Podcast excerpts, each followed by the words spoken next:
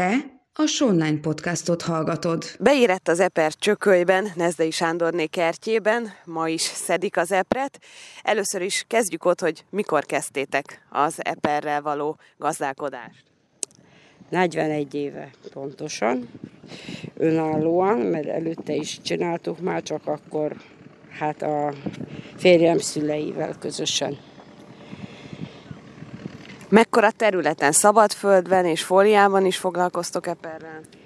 Szabadföldön is, meg fóliás is van, de sokkal kisebb területen eh, foglalkozunk vele, mint eh, az elmúlt 15 évben mondjuk, mert eh, lejjebb kellett adni, mert rengeteg költséggel jár, nagy kockázat, és hát nem minden esetben tudjuk azt bevállalni, hogy most én befektetek vagy visszaforgatom a bevételemet, és következő éven nem hoz jövedelmet, aztán így lecsökkentettük. A másikok pedig az, hogy nagyon nehéz munkást találni, mert sajnos a földben már át senki nem akar dolgozni.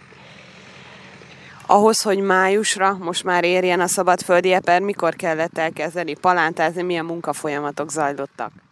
Hát tavaly júniusban telepítettük ezeket az ültetvényeket, és hát ahhoz, hogy ilyenkorra érjen, ugye most már érik a szabadföldi is, elvileg a fóliásnak, felejtősnek kéne lenni, de nekünk itt van három fólia váz, ami csupaszon áll, mert februárban letépte a vihar a fóliáinkat, és még most kezdett ugyanúgy érni, mint a szabadföldi.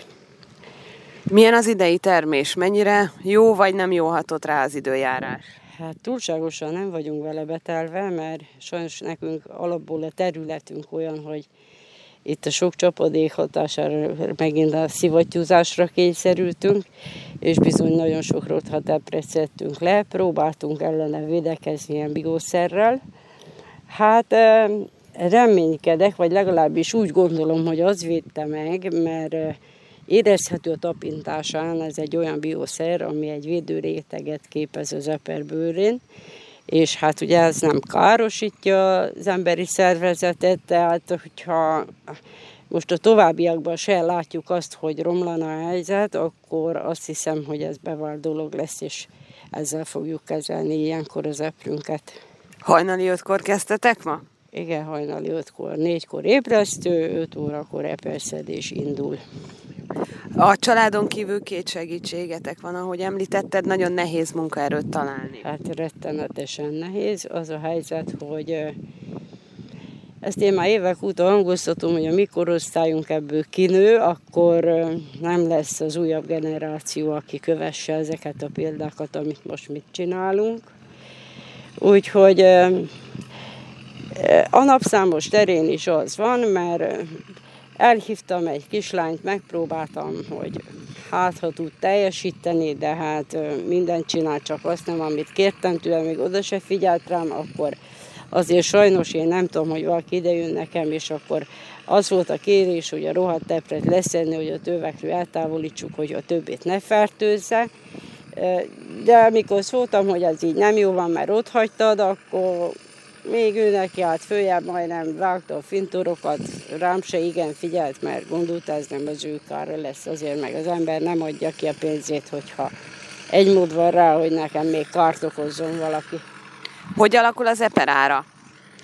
Hát az eperára úgy, mint ahogy szokott, hogy itt mindenki hasznot húz belőle, csak a termelő nem sajnos. Mert itt a kereskedők nagyon nagyot nyernek, mi meg amikor elkezdtünk számolgatni, hogy megvettem a polántát, a fóliát, a csupögtetőt, meg a mindent, ugye, meg a munkaerőt ki kell fizetni, egyebek. Mire oda jutunk, akkor jut is marad, és szóval nem sok minden nyereségünk van. A kereskedők, akik ezen nyernek, meg hát a napszámosok, akinek semmiféle költséggel nem jár, ugye, hogy elmegy napszámba eplecelni, akkor megkapja tiszta kis pénzét, aztán nincs semmiféle költsége vele. Átlagban olyan 2000 forint körül láttam az árakat, körülbelül a piacon annyira árulják? A piacon annyiért, még 2390-ért láttam tegnap az első osztályú epret, de hát mi tőlünk közel se annyiért viszik -e. Uh-huh. Örülünk, hogy egyáltalán át tudjuk adni. Az a probléma ezzel, hogy Tudják a kereskedők, hogy kényszerhelyzetben vagyunk, mert ha ezt leszettem, akkor oda kell adjam, mert ez nem krumpli, hogy tárogassam napokig. Ezt akkor el kell adni, amikor frissen le van szedve. Úgy tudom csak értékesíteni, és ki is használják ezt a lehetőséget, hogy visszaélnek vele, hogy a gazdák meg vannak szorítva. Azt meg én nem tudom megoldani, hogy kiállok piacozni, kikilózgatom, mert akkor ki, kidolgozik itt a földön. Időben körülbelül június eleje, vagy mikorra várható? Később van egy kicsit a hűvösebb tavasz miatt az eper? Hát most később kezdett érni a szabadföldi. Mondjuk a fóliások meg, hát mi nálunk mondom, itt vészhelyzet volt, mert mert amelyiket nem tépte le teljes egészében vihar, azt megtépázta, és rengeteg volt a fázott szem, ilyen deformált szemeket szedtünk hát rengeteget az elején, és még a mai napig is meglátszik rajta, ami ilyen későbbi virágzás, még azon is észrevehető, hogy ilyen porzó hibásak a szemek. Hát, hogy ennek már rég, réges, rég le kellett volna csengni a fóliásnak, mert mi télre is ugye fönn szoktuk hagyni a fóliákat, aki tavasszal húzza azért, hát most még azért érésben van, ő nekik sokkal több van, mint nekünk ugye még a fóliáikba. Aki eperlekvárt szeretne eltenni, mikor kereshet titeket? Június eleje, vagy közepe? Hát, olyan június 15-e körül szokott záródni a szezon. Hát, hogy most mennyire húzódik ki, mert azért itt ez nagyon a kezdetén van még a szabadföldi, ez mondjuk időjárás függő, mert 40 fok melegek lesznek, akkor itt az lesz a probléma, hogy hirtelen beérik az egész, és így előre nem lehet ezt megmondani, hogy most akkor az egy hét alatt lezajlik, vagy három hét alatt zajlik le az érés, mert ugye az elsőzésekkor nem is indult meg az érés. Akkor azt mondtuk, hogy most nagyon csúszunk vele, mert hát nincs hozzá ugye napsütés. Na most akkor, mikor elkezdtek fehéredni a szemek, az elsőt akkor kapta, nem volt hozzá napsütés, és akkor ezáltal nem tudott megindulni az érés. Most az elsők elmúltak, jött a nagy meleg, és hát bizony most beindult az eper, hát lehet, hogy a legrosszabbkor mondjuk mindig is ez a pünkösdi időszak rossz szokott lenni, mert itt ilyenkor problémák vannak az értékesítéssel, ugye két nap négy szedés, és azért amikor nagy terület van, akkor az ember nem tudja utolérni magát.